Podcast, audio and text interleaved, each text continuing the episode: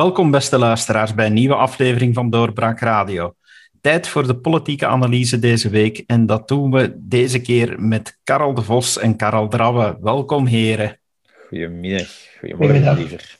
Professor, we hebben net uh, te horen gekregen dat er eigenlijk onder de goedkeuring van het sociaal akkoord toch wel wat communautaire verschillen zitten.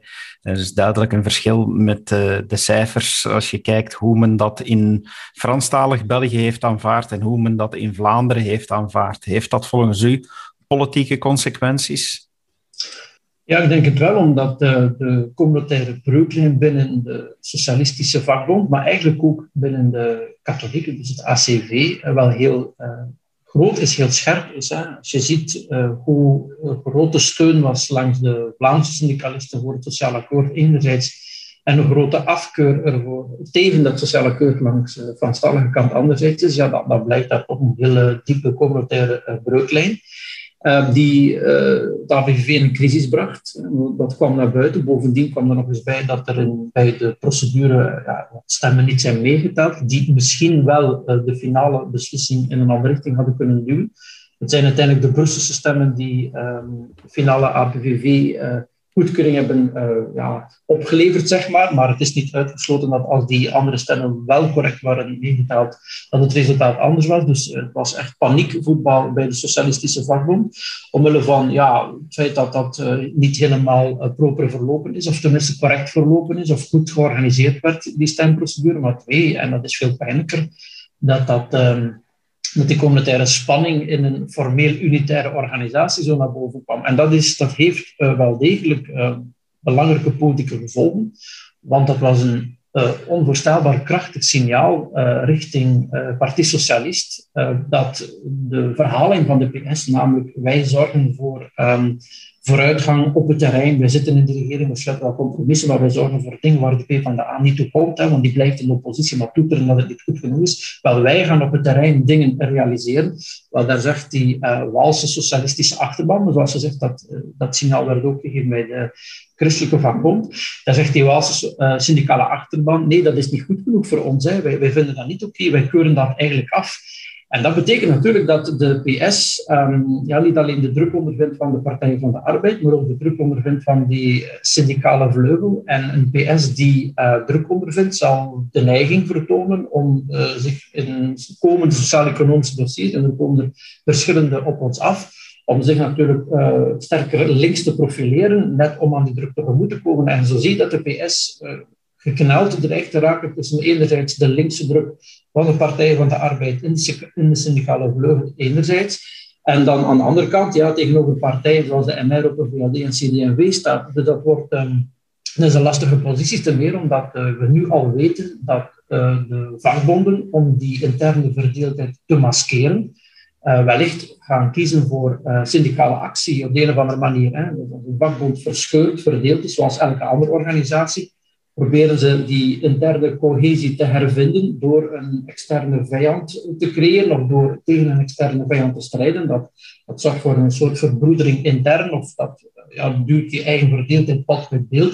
Dus we kunnen er nu al van op aan dat, uh, dat vakbonden in het najaar, het heet sociaal-economische najaar, om let op de discussies die gevoerd moeten worden, dat ze van zich zullen laten horen. En dat zet natuurlijk de PS onder druk. En op die manier kan die spanning binnen het ABVV ook de spanning binnen Vivaldi vergroten.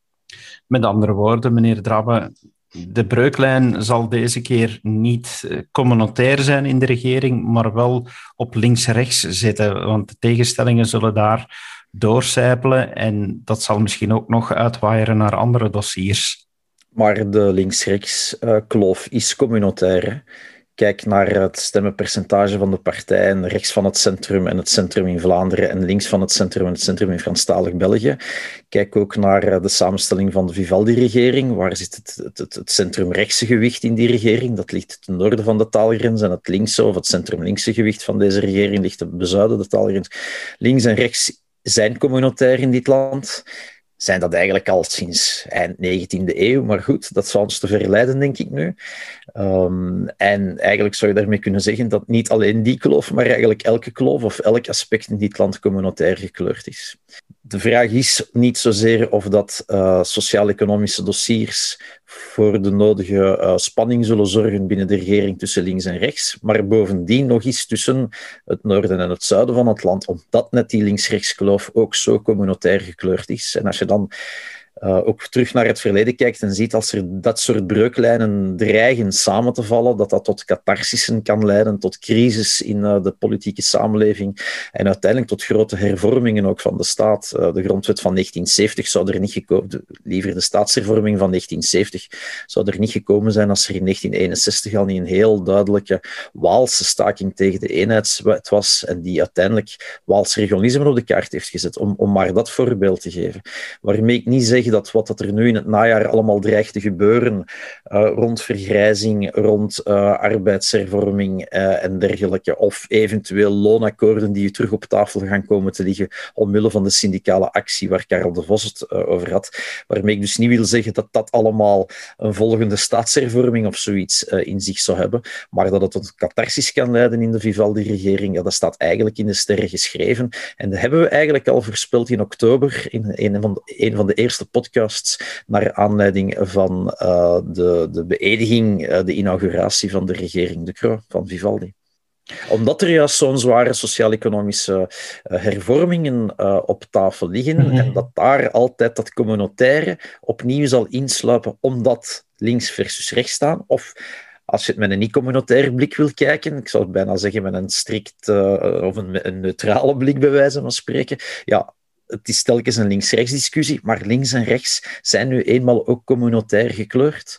Uh, rechts of centrum-rechts in Wallonië is nu eenmaal veel kleiner dan in Vlaanderen, dat massaal centrum-rechts kiest. We hebben dat gezien in de voorbije peilingen ook. Hè. Links doet het heel slecht, niet alleen in Frankrijk, maar eigenlijk ook in uh, Vlaanderen.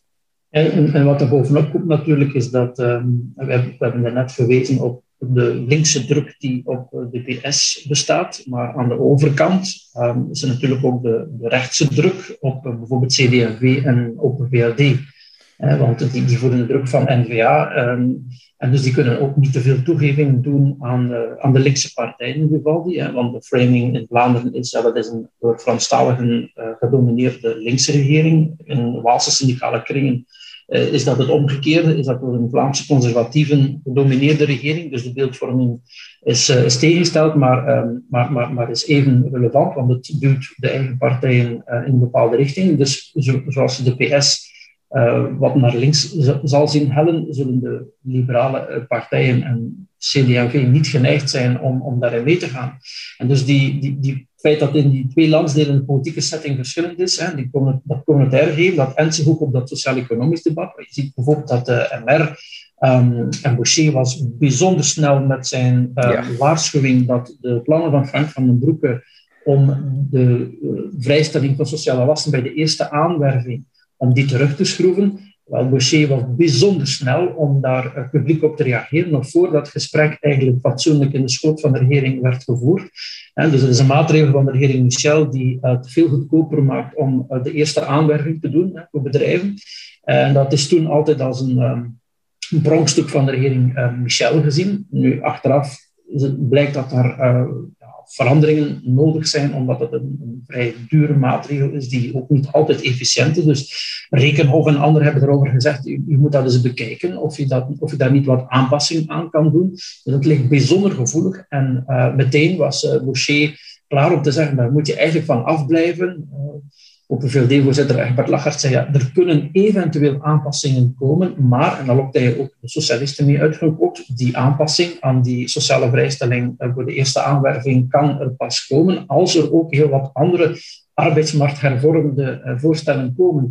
Dus je ziet dat die, dat, dat wel een lastig sociaal-economisch debat wordt, dat bovendien ook, en we hebben het er zo weinig over, omdat, we, ja, omdat de situatie waarschijnlijk zo dramatisch is en er over andere thema's waren. Maar als je kijkt naar begrotingscijfers, het Planbureau heeft um, vorige week met heel interessante cijfers gekomen. zegt van kijk, um, de staatsschuld die kan in 2026 stijgen tot 120 procent. En een begrotingstekort tot 32 miljard of tot 5,6 procent van het BBP. Hè. Ter herinnering, eigenlijk is 3 procent uh, de mhm. Europese grens. Dat wil zeggen, boven 3% krijg je, van, krijg je van Europa eventueel een sanctie. Je krijgt in elk geval soort druk om bepaalde hervormingen door te voeren. En eigenlijk moet je onder die 3% blijven. Kijk, bij ongewijzigd beleid stijgt dat gewoon door um, naar 5,6% in 2026.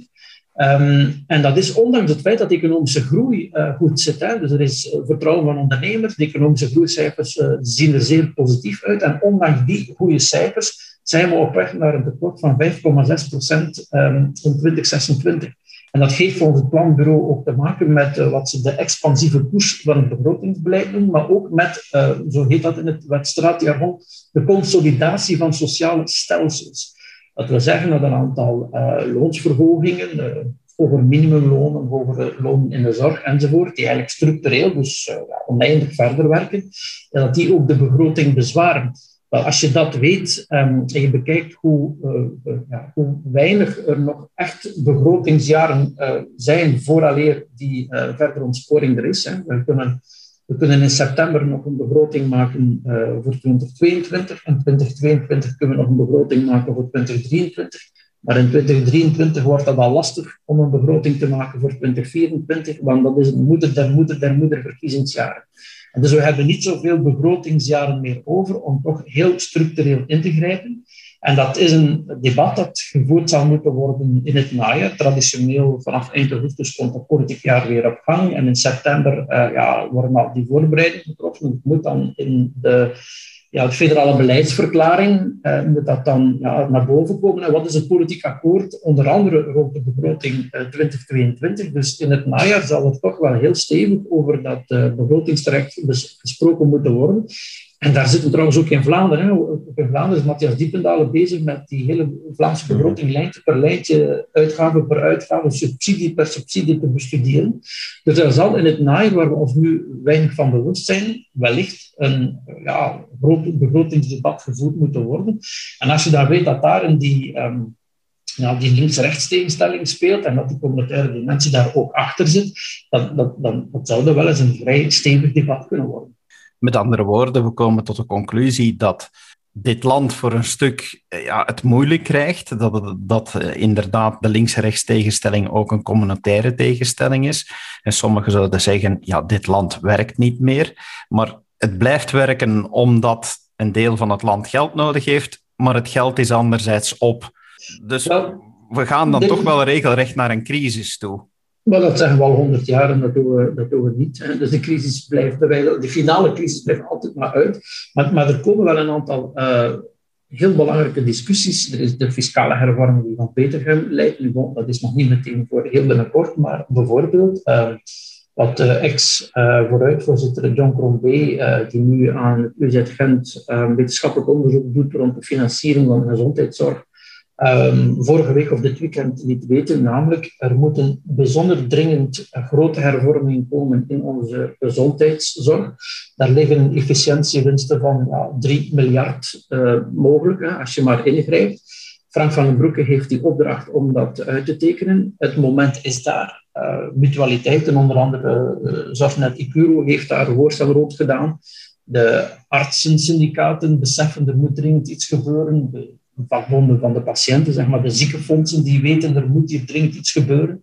Dus iedereen uh, weet er moet heel dringend in onze ziekenhuisfinanciering worden ingegrepen. Er zijn heel wat ziekenhuizen die eigenlijk op de rand van een bankroet staan. Ook uh, um, de hele COVID-periode heeft daar geen goed aan gedaan. Men haalt dan nog allerlei inkomsten uit de befaamde edelloonsupplementen en uit de budgetten via medicijnen.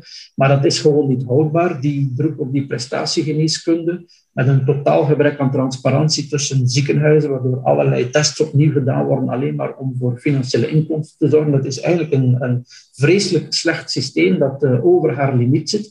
Um, de vorige minister van Gezondheid heeft daar... Um, maar de Blok heeft daar ook al proberen aan te werken, door onder andere die uh, regionale koppeling van ziekenhuizen te creëren, die ziekenhuizen netwerken om op die manier efficiëntiewinst te boeken.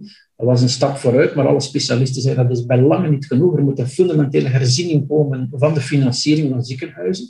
Eh, waarbij die ziekenhuizen minder afhankelijk moeten worden van die ereloonsupplementen bijvoorbeeld en minder prestatiegeneeskunde uh, moet uh, gefinancierd worden. Maar dat is een, dat is, dat is een ongelooflijk belangrijk onderwerp. En dat is een financieel, sociaal-economisch thema, maar je, je kan ervan op aan, let op de, de verschillen die bestaan in gezondheidszorg uh, Vlaanderen versus uh, Wallonië, dat daar ook vroeg of laat wel een communautair um, element in zal sluipen. Niet dat dat zal domineren, maar het zijn dit soort van debatten, dat zijn grote stichtende debatten, zoals flexibilisering van de arbeidsmarkt, herziening van de financiering van de gezondheidszorg, herziening van ons fiscaal systeem. Ja, dat, dat, dat moeten we toch eens vroeg of laat beginnen voeren. Als je de begrotingscijfers die ik net beschreef ziet, dat, dat ga je niet, die begroting ga je niet oplossen door uitgaven te verminderen en belasting te verhogen. Die, die rek zit daar niet meer op. Dat ga je moeten doen door de systemen die we hebben efficiënter te laten functioneren. En die gigantische druk um, ligt ook op deze regering. We hebben dat in, in het verleden al zoveel keren gezegd. Um, dat komt er meestal niet van, dus laten we nu hopen dat het er deze keer wel van komt. We zitten ook met uh, ja, de groene partij in de regering. Uh, die, die willen natuurlijk ook hun trofeeën hebben, maar die lijken ook veel geld te gaan kosten. Want uh, een van die trofeeën is duidelijk wel de sluiting van de kerncentrales. En daar horen we nu ook de meest waanzinnige bedragen over. Uh, meneer Drabbe, is, is, is dat ook iets wat nog zwaar gaat wegen in de regering volgens u, die discussie? Of ja, is dat een genomen beslissing waar ze niet meer zullen op terugkomen? Ik denk dat uh, de enigen die geloven dat het een genomen beslissing is waarop niet zal worden teruggekomen, dat dat de groene partijen zijn. Ik wil nog zien hoe de andere partijen hier verder mee omgaan. Ten andere in het regeerakkoord staat er heel duidelijk dat die kernuitstap 1, dat het nog altijd voorwerp is van een studie en dat die studie moet uitwijzen of dat de kernuitstap effectief zal uh, gebeuren of niet. Dus Vivaldi heeft effectief een slag om de arm uh, gehouden. En twee, het het resultaat ook van die studie, neem ik aan, zal moeten zijn dat het niets mag kosten aan de belastingbetaler, die, die overstap. Bovendien krijg je ook de discussie nu, ik zal maar zeggen, aan groene zijde. Groen is niet of de groene zijde of de milieubeweging en dergelijke. Het is meer dan de partij Groen of de partij Groen en Eco natuurlijk. Krijg je ook heel de discussie over die gascentrales die zouden gebouwd moeten worden en die voor een enorme CO2-uitstoot zullen zorgen. Dus ja, dan, dan zit je weer met de discussie van wat spaart wat. Hè? Is, het, is het sop wel de kool waard? Um, is die energietransitie betaalbaar? Ik las aan deze week, dit weekend een artikel in de tijd waar ik moet eerlijk zeggen, uh, ik heb geen ingenieursachtergrond of wat dan ook, en ik heb er ook niet veel van begrepen, waarin zei van hoe meer elektrische wagens we op de straat krijgen, uh, hoe, hoe concreter dat die transitie kan gerealiseerd worden, omdat die auto's als batterijen kunnen dienen. Ik neem dan aan als batterijen waarop waarvan het netwerk dan weer energie kan terug uh, afnemen. Ik, ik begrijp dat niet goed. En ik denk dat heel veel je dat beschrijft. Zo is het zoals je dat. Zo is het dus. Maar ik denk wel, laadpallen, hè? Ja. ja. maar ik denk wel dat dit een, een, dit is een zo belangrijk dossier. We betalen in België een van de hoogste energiefacturen als belastingbetaler, als burger uh, van Europa en misschien zelfs veel ruimer dan Europa. Uh, maar dit is een heel technisch dossier en dit gaat over cijfers en cijfers na de komma. En het is een nieuw dossier. En ik denk dat heel veel mensen eigenlijk niet goed weten waar het over gaat, wat dit betekent en wat de impact daarvan is. Nu goed, een paar weken geleden is er ergens een, een studie, een opiniepeiling geweest, waar uh, kiezers van partijen werden gepeild uh, naar, hun, of naar het feit of ze voor of tegenstander zouden zijn van de kernuitstap. En dan zie je dat Vla Vlamingen, ik denk dat het een Vlaamse studie was, eigenlijk massaal daar geen mening over hebben of zeggen van nee, laat, laat, laat, laat, het, laat het maar. Laat het maar. En ik denk dat die Vlamingen dan vooral de, de, hun factuur, hun gezinsfactuur in het achterhoofd houden. Ik denk dat veel mensen niet goed weten wat uh, de impact daarvan is en dat uh, als die kernuitstapper moet gebeuren, want dat klinkt natuurlijk heel goed, hè, uh, atoomenergie, nein dankje, denk aan de stickers op de Duitse auto's in de jaren tachtig, maar wat betekent dat eigenlijk? En ik denk dat de federale overheid nog een heel belangrijke pedagogische taak zal hebben om de bevolking daar ook in mee te krijgen. En dat een belangrijkere taak is dan affiches te hangen van 11 miljoen en een half België uh, één team. Ik denk dat, daar veel, dat dat veel belangrijker zal zijn of je nu voor of tegen die kernuitstap bent en wat de impact daarvan is. Maar het zal een immense impact hebben, ook die cijfers. En ja, wanneer, wanneer zullen we het resultaat kennen van die studie? Is dat eind dit jaar of is dat eind volgend jaar, dat ben ik nu even kwijt. Maar ook dat zal een immense impact hebben op de begroting. Als Karel de Vos het daarnet had over de grote dossiers die er zijn. En die begroting die we op orde moeten krijgen, die sinds 1999 of sinds 2000 helemaal uh, losgeslagen is. Um, ja, dan moet je daar ook nog eens rekening mee houden. Dus het is bijna adding insult to... Uh, adding, hoe zeg je dat ook alweer? Adding, adding injury to insult. Ja, ja inderdaad. Sorry. Um, en, en het wordt alleen maar moeilijker. En als je dan opnieuw naar de kampen kijkt binnen deze regering die tegenover elkaar staan, dan kun je alleen maar hopen dat ze straks niet met getrokken messen tegenover elkaar zullen staan. Maar Groen lijkt al begonnen te zijn met die campagne. We hebben de uitspraak nu net gehad. Uh, hoeveel Olympische zwembaden, uh, kernafval zouden er zijn volgens minister Van der Straten? Het zouden er zeven zijn. Ik heb dan uh, Jan de Schoolmeester, dat is dan een van de, de jongere ecomodernisten, heel actief op Twitter, daar is over aangesproken. Die heeft een hele berekening gemaakt, waarbij dat ja, natuurlijk de eerste premisse is over welk kernafval spreken we. Niet alle afval dat er bestaat is afval dat voorkomt uit energieproductie, maar ook heel veel uit de medische sector bijvoorbeeld. Wist ik veel. Een zeer leerrijk draadje op Twitter, dames en heren. Ik raad u alleen maar aan om er eens naar te kijken. Um, hij is dan teruggefloten door de woordvoerder van uh, Tine van der Straten, maar heeft zijn cijfers opnieuw uh, bekeken. En komt er eigenlijk op neer dat uh, de, het, het, het, slechte, zal ik maar zeggen, door energieproductie geproduceerde of voor onze energie liever geproduceerde kernafval eigenlijk maar een blokje is uh, van de omvang van de Arc de Triomphe. Um, en dat dat dus eigenlijk allemaal wel meevalt en dat je dat gemakkelijk e- geologisch zou kunnen bergen. Greenpeace is het daar wel niet mee eens, maar dan denk ik, ja, dat zijn van die discussies die nog niet tot het brede publiek zijn doorgedrongen, maar die wel nodig zijn. Kun je het veilig bergen of niet? Kunnen wij dat veilig bergen? Hè? Momenteel in de campen, in de weet ik veel welke laag grond onder de campen, uh, of niet. Uh, er staan dit is iets met zoveel vraagtekens. En wat ik, ik ga afronden met wat ik in het begin zei. Groen is ongetwijfeld overtuigd. Ecolo is ongetwijfeld overtuigd dat die centrales dicht moeten. Maar ik wil MR en PS uh, nog wel eens zien om over de Vlaamse uh, partij maar te zwijgen.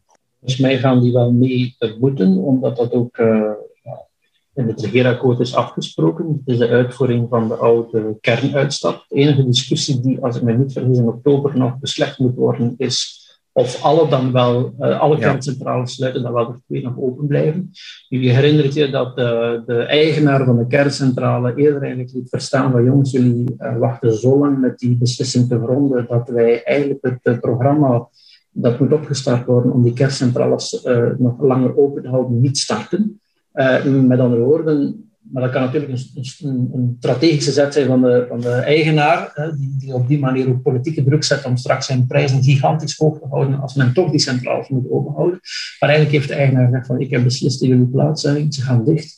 Um, wat ondertussen moet gebeuren zijn die veilingen. Uh, veilingen waarbij men eigenlijk alternatieve eh, energie moet. Uh, ja, men dus eigenlijk komt de veiling erop neer dat men vraagt dan wie is geïnteresseerd om alternatieve energie te voorzien. Dat zijn vooral gascentrales. Voor de rest zal men een grote hoeveelheid energie uit het buitenland moeten aankopen om aan onze energiebehoeften te voldoen. Maar die gascentrales zijn daar een sluitstuk. En eigenlijk is die veiling gebaseerd op het idee dat de goedkoopste, degene die het minst subsidies nodig heeft, minst subsidies vraagt, die krijgt dan de vergunning om die gascentrales te bouwen. Deze week bleek ook, vorige week tenminste, dat um, de compensatie voor het sluiten van die kerncentrales ietsje minder hoog is dan een kilowatt, gigawatt is dat eigenlijk uh, u uitgedrukt, dat, dat het iets minder zou moeten zijn dan men eerst had gedacht. En dus je, je ziet die, die verschillende elementen uh, evolueren naar um, een, sluiting van, volgens mij, sluiting van alle vijfde centrales. Waar, waarbij dan inderdaad die twee elementen die voorop staan, namelijk um, energiebevoorrading, energiezekerheid en uh, prijsstabiliteit, dat men die twee uh, voorop stelt. Dat stond ook in eerdere regeerakkoorden als heilig principe. Um, maar ik volg Karel Rabbe helemaal. Dat is een dermate technische discussie. Heel veel mensen uh, volgen dat niet. Dat is ook um, bijzonder complex. ik denk dat um, technologische innovaties, waar Karel daarnet naar verwees, in de toekomst een ongelooflijk belangrijke rol zullen spelen. Er wordt bijvoorbeeld heel wat verwacht van de ruime verspreiding van elektrische wagens en slimme laadpalen, waardoor die als een gigantische batterij dienen. In Nederland uh, staat men daar veel verder mee. In grote Nederlandse steden is men daar eigenlijk is men dat netwerk aan het uitrollen. Dus het idee dat, dat als heel veel privé-eigenaars een elektrische wagen hebben, aan slimme laadpalen, dan worden die wagens opgeladen ook als ze, ze daar gewoon staan geparkeerd uh, op het moment dat, uh, dat er veel energie is en weinig vraag. En die blijven aangesloten uh, op de laadpaal, op dat netwerk. En s'avonds, als er uh, weinig of minder energieproductie, maar grote energiebehoefte is, dan gaan die wagens eigenlijk de batterij van die wagens gaan die stroom terug op het net steken. En, en zo functioneren eigenlijk in plaats van overal wat, heel duur is en wat, wat de regering ook wil subsidiëren, eigen batterij in je huis hangen. Als je een elektrische wagen buiten hebt staan en die is aangesloten op een slimme laadpaal, een laadpaal die interageert met niet opladen van stop en voorbij, dat als je dat op die manier organiseert, dat je eigenlijk die energiebehoefte uh, vermindert. Het is dat soort van technologische innovatie die um, voor een groot stuk ook in, de komende jaren een rol zullen spelen in die prijsstabiliteit en energiebevoorrading. Maar het is voor heel veel mensen bijzonder complex. Uh, dus ik, het, het, is een debat dat eigenlijk rond de symboolwaarde sluiten we de kerncentrales draait. Maar in de feiten gaat het over zoveel meer. Ja. En dat is, dat is bijna niet meer te volgen voor wie, uh, voor wie daar niet voor gestudeerd heeft. Ja, dat klopt. Nu, ik, ik wil nog één bedenking maken bij het, in het begin wat je zei, is van uh, ze kunnen niet anders dan dit uitvoeren, uh, ook de andere partijen dan de groene partijen, want het staat in het regeerakkoord.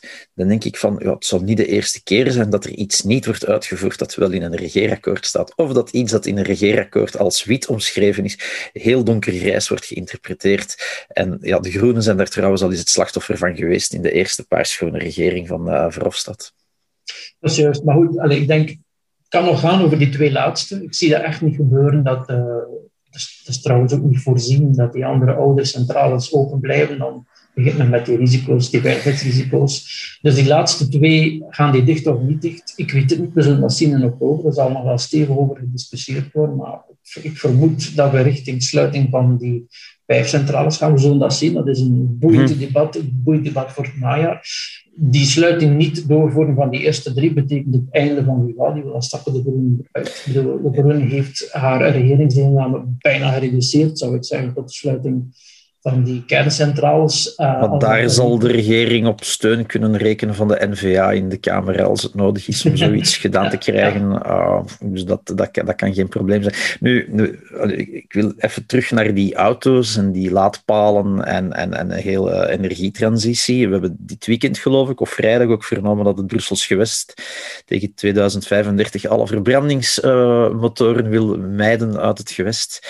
Um, dat is wel een PS-beslissing. Hm? Um, in Wallonië kijkt men daar anders naar. Um, je ziet dan ook weer heel duidelijk dat Brussel en Wallonië, allee, dat het idee van één grote Franse politieke, dan liever uh, Franse gemeenschap, dat dat een uh, fictie aan het worden is, dat dat twee volwaardige uh, gewesten aan het worden zijn. Maar het is wel interessant om te zien dat juist die bevolkingsgroep waar dat de PS eigenlijk haar stemmen zou moeten halen, of althans daar gaan we toch van uit, dat die als eerste zal getroffen worden. Dus heel dat verhaal van die energietransitie, de laadpalende elektrische motoren, de auto's enzovoort. Ja, ik wil toch nog zien dat de PS daar zo um, radicaal voor zal gaan. Ik bedoel dan de, de, de, de, de Franstalige partij PS. Ik maak even abstractie van de afdeling in Brussel-Wallonië, of de entiteit in Brussel willen, maar ik wil toch nog eens zien hoe ver ze daarin zal gaan, want uiteindelijk zit ze in de zakken van de eigen kiezers, die zich al dat soort uh, nieuwlichterij en technische hoogstandjes niet zomaar kunnen permitteren. Dit is eigenlijk wetgeving op maat gemaakt van de Vlaamse middenklasse. Hè? van de twee verdienende gezinnen die een diploma hebben en die een spaarboekje hebben. En ja, dat is toch een ander kiespubliek en een ander sociaal-economisch profiel dan ja, waar PS en PTB het vooral moeten van hebben in Franstalig België. Wat volgens mij ook daarin een rol kan spelen, alhoewel we dat niet moeten overdrijven, is een van die uh, klassieke breuklijnen die in België eigenlijk niet zo heel belangrijk zijn, historisch gezien, de spanning stad-platteland. Of laten we zeggen, meer geurbaniseerd versus meer landelijk gebied een beslissing om uh, verbrandingsmotoren uh, te bannen uit een stad, dat is, dat is begrijpelijk. Hè? Want daar heb je heel slechte luchtkwaliteit. Bovendien zijn de verplaatsingen die je in een stad maakt ook veel beperkter. Je kan dus met uh, wagens die, of met ook bijvoorbeeld als het moet, met de wagens die met een, een batterij werken, kan je bijna overal ja, waar je naartoe wil, kan die plaatsen bereiken. Dat is natuurlijk een, uh, daar, zitten in steden ook heel veel laadpaalcapaciteit. Als je natuurlijk naar dit landelijke gebieden gaat, ja, dan hebben mensen een vaak grotere actieradio om, om mee rond te rijden. Wat voor sommige elektrische wagens toch nog altijd, zeker de goedkope instapmodellen, een probleem is. En waar de laadpaalinfrastructuur ook minder uh, voorzien is.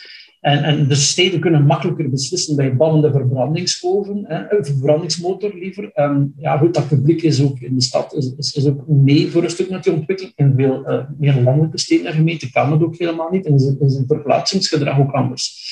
En dat is in die zin relevant dat uh, je wijst terecht op de politieke beslissing.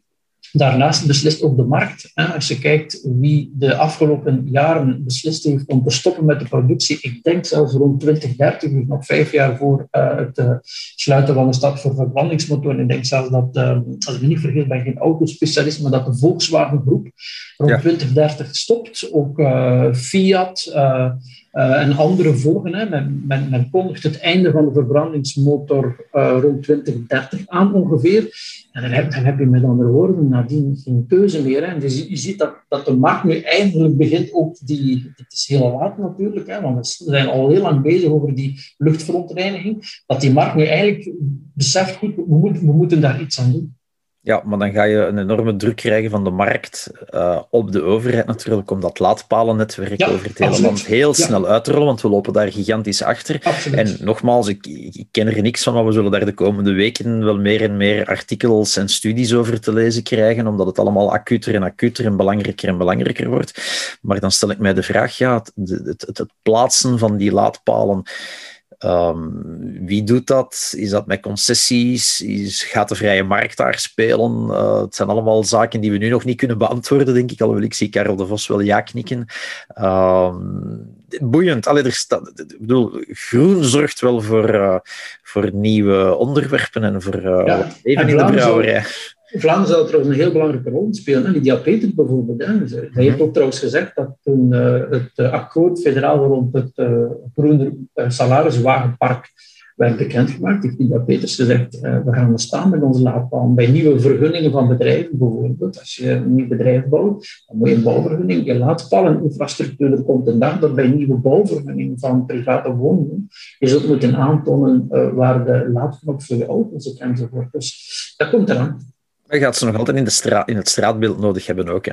Mm Uiteraard. En meneer Drabbe, ik kan u zeggen van, ja, luister eens wat vaker naar de podcasts van Doorbraak, want er zijn er al verschillende over dit onderwerp gegaan.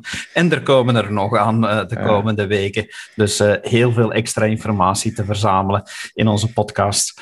Maar om nu even van het federale naar het Vlaamse niveau over te gaan. Uh, vorige week met uh, jullie collega's uh, Bouwens en Maddes had ik het er ook al over.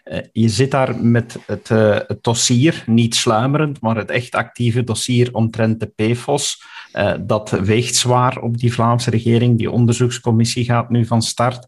Maar de CD&V blijft daar toch ook het moeilijk mee hebben. CD&V ja, is, is soms bijna de molensteen rond de nek van, van ja, minister-president Jan Bon en van de NVA in zijn geheel. Ja, blijft, blijft het daar zo voortsukkelen of is, is meneer Koens uh, zijn eigen ruiten aan het ingooien? Uh, allebei, denk ik.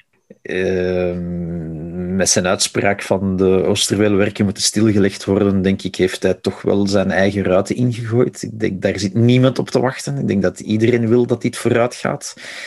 Ten andere aan die Oosterweel werken is uh, de, een, hele waterzuiveringsinstallatie gekoppeld. Uh, die is ook noodzakelijk. daar kun je moeilijk nee tegen zeggen. Zeker niet als je vertrekt vanuit het rentmeesterschap, waar CD&V en zeker Joachim Koens toch voor tekenen. Dus ik denk niet dat dat een goede zet is geweest. Um, ja, ik denk dat. Ik, ik ga niet zeggen dat die uitspraak, want er wordt wel over gespeculeerd dat die uitspraak ertoe zou moeten dienen om Joke Schouwvliegen uit de wind te zetten. Maar ja, dat CD&V natuurlijk met wat knik in de knieën naar heel dat proces kijkt um, dat er staat aan te komen, onder meer via die onderzoekscommissie, dat is wel duidelijk. Uh, je zit daar met een ja, verpletterende en decennia lange verantwoordelijkheid. Hè. Ministers van Milieu, van Omgeving, um, van Landbouw, doorgaans uit CD&V-hoek. En ik denk dat we hier ook moeten een, een voorafname zien op uh, een van de volgende grote discussies die de Vlaamse regering uh, te wachten staat. Dat is namelijk over dat stikstofbeleid, uh, wat, waar ook CD&V-bevoegdheden uit het verleden worden geviseerd en waar ook het iemand is als een Zoal Demir die nu heel... Ehm, heel snel heeft opgeroepen tot die onderzoekscommissie, maar dat het ook zowel de Mir is die het steentje in de schoen uh, zou kunnen zijn van de CD&V en van de voorbije CD&V-ministers. En als je dan al peiling na peiling, verkiezing na verkiezing en peiling na peiling achteruit gaat en er komen dossiers als dit naar boven die je kunnen raken in het hart van je partij, op het platteland, bij de landbouwers, ja, dan word je natuurlijk alleen maar zenuwachtiger. En dan, ja, een kat in het nauw maakt rare sprongen. En ik denk dat die uitspraak over het stilleggen van Oosterweel daar één van is. Ik had uh, bij wijze van toeval um, zaterdagochtend een gesprek met Jorgen Koens, omdat hij als uh, burgemeester van Damme betrokken is bij een project dat in het Zwin zaterdagochtend werd voorgesteld rond de verdwenen uh, Zwinhavens. En hij was een beetje later op de persvoorstelling, op de lancering, omwille van de actualiteit.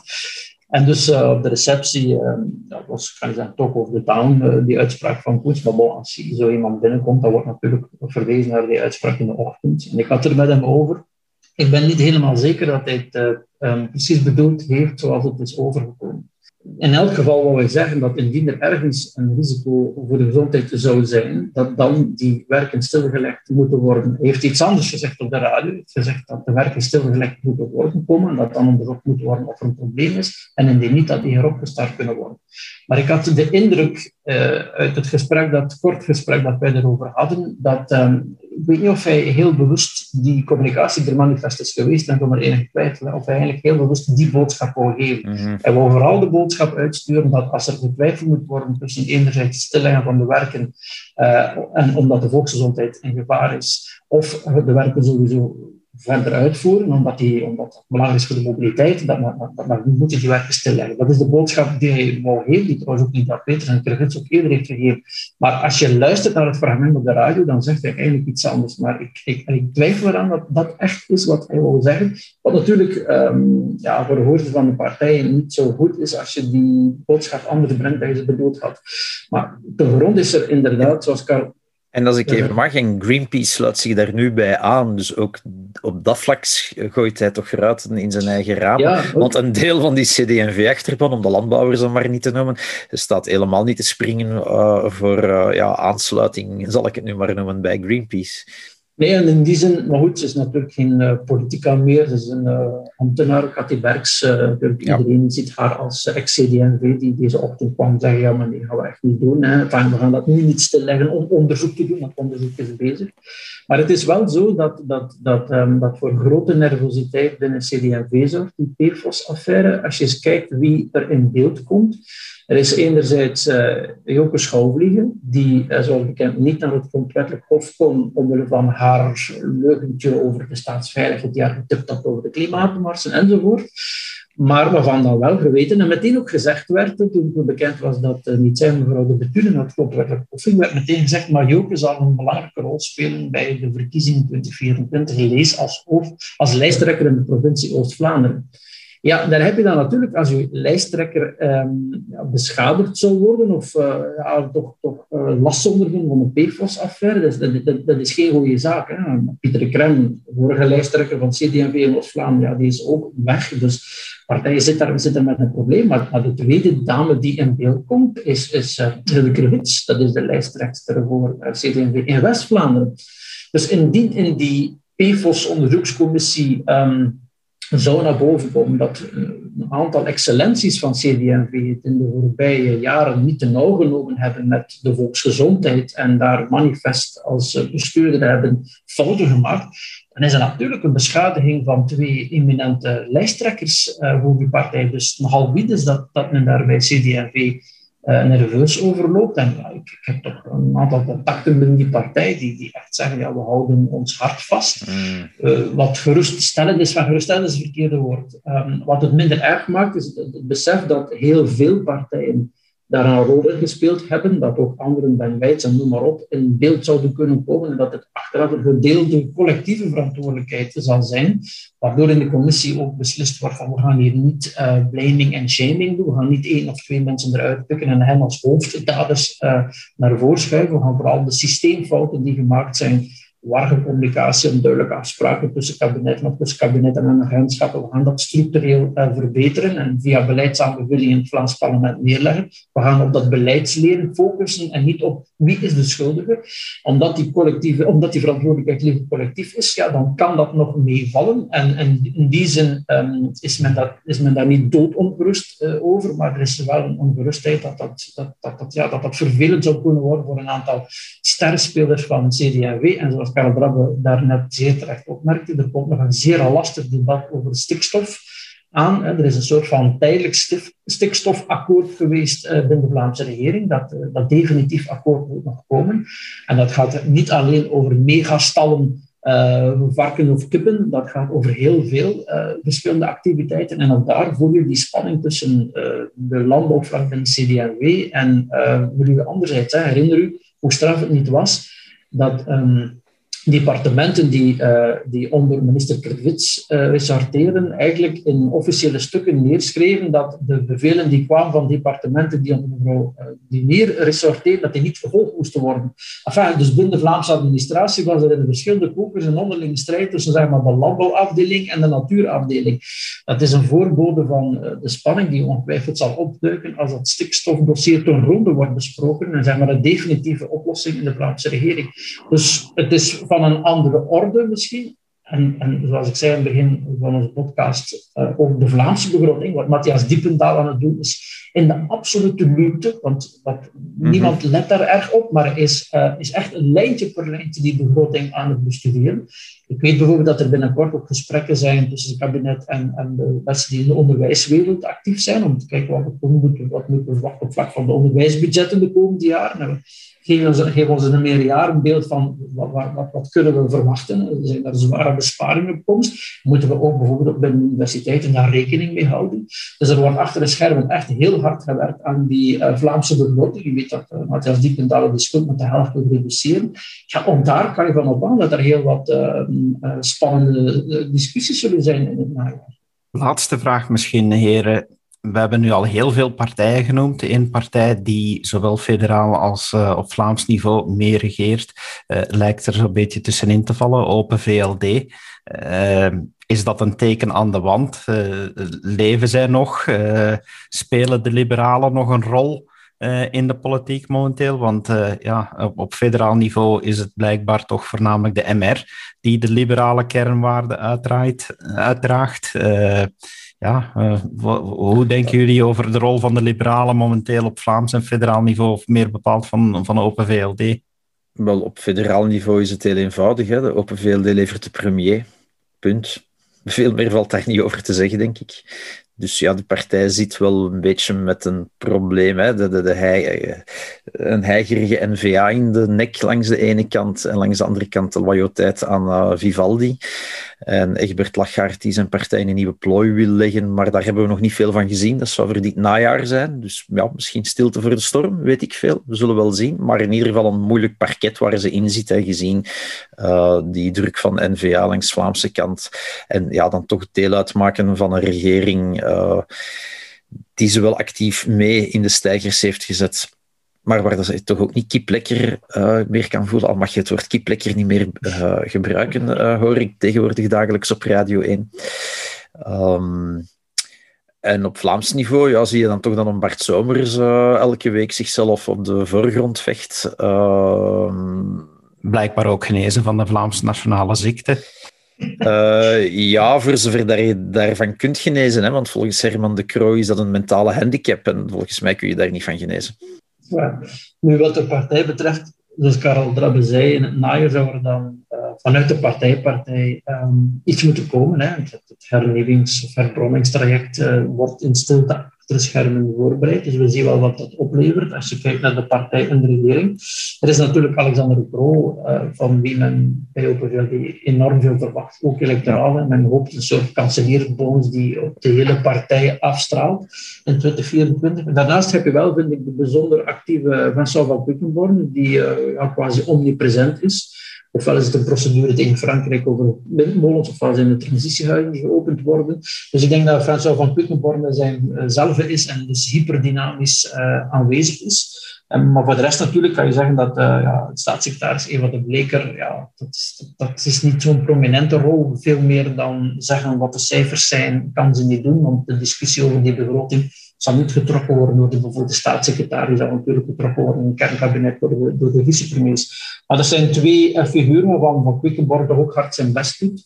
Maar het is soms moeilijk om in wat die twee ministers in de federale regering doen, daar een duidelijke partijlijn in te zien wat, verbindt dat optreden van die twee, uh, van Alexander Pro en Sam van Quickenborne, hoe, hoe kadert dat optreden in de open VLD-visie en strategie? Dat vind ik soms moeilijk, uh, moeilijk om te zien. Ik kan makkelijker zeggen wat bijvoorbeeld Frank van den Broeke doet, uh, hoe dat ligt in de lijn van wat, waar vooruit voor staat, dan ik, dan ik dat kan zeggen van, van de twee liberale excellenties. Dus beleidsdeelname en um, partijideologie is daar denk ik minder evident. En zoals Karel Brabbe opmerkte, Bart Somers is um, beetje zoals François van op federaal niveau, doet hij dat op Vlaams niveau, is uh, ook hyperactief, uh, wil zich heel veel laten zien, ook over heel veel verschillende onderwerpen. Ja. Ligt natuurlijk ook aan zijn bevoegdheden, maar ook daar vind ik het soms moeilijk een lijn te trekken in um, wat Bart Somers allemaal doet.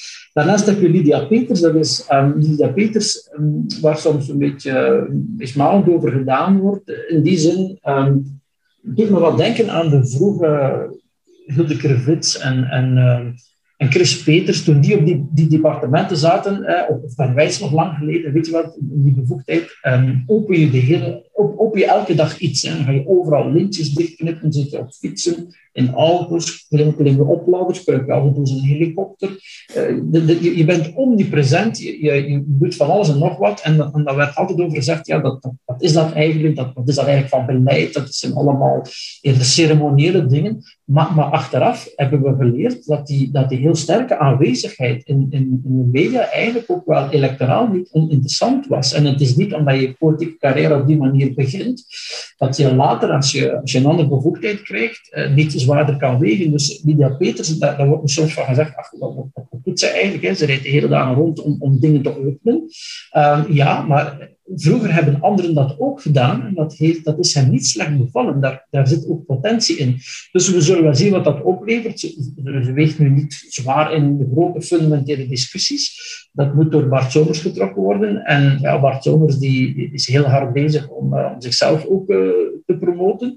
Um, maar ook daar vind ik, zoals dat net zei op federaal vlak, het is niet altijd duidelijk om welke liberale agenda die twee excellenties in die Vlaamse regering aan het Dat is inderdaad wat mij ook opvalt, uh, is dat je, hè, jullie hadden het al over uh, grote debatten. Meneer Trabbe, u wees daarop, er zullen, er zullen nog diepe debatten moeten komen over belangrijke thema's. Maar een uh, niet genoemd debat dat toch eigenlijk wel ook zou moeten gevoerd worden, is over de vrijheid van meningsuiting, alles wat daaromtrent hangt, de privacy typisch liberale zaken. Uh, ja, we horen vandaag dan nog dat de regering plant om, om ook weer uh, nog meer internetcommunicatie aan banden te gaan leggen. En je hoort Open VLD daar niet over. Is dat een debat dat, uh, dat, ja, waar, waar ze schrik van hebben bij Open VLD?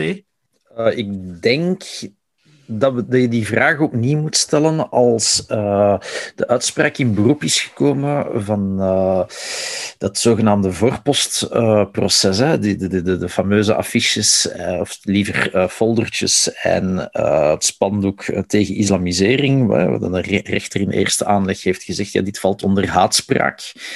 Dat komt nu, ik weet niet wanneer juist voor in de eerste aanleg. En ik denk dat dat heel belangrijk is. Ik denk dat iedereen daar zit naar te kijken. Hè, want dat kwam dan net op het moment dat uh, Van Quickenborne zijn uh, potentiële wetgeving aankondigde over haatspraak. Uh, dat was een heel slecht moment, denk ik. En een heel slechte beurt op dat moment voor Open VLD en voor Van Quickenborne meer specifiek. Maar ik denk dat we daar eerst moeten opwachten.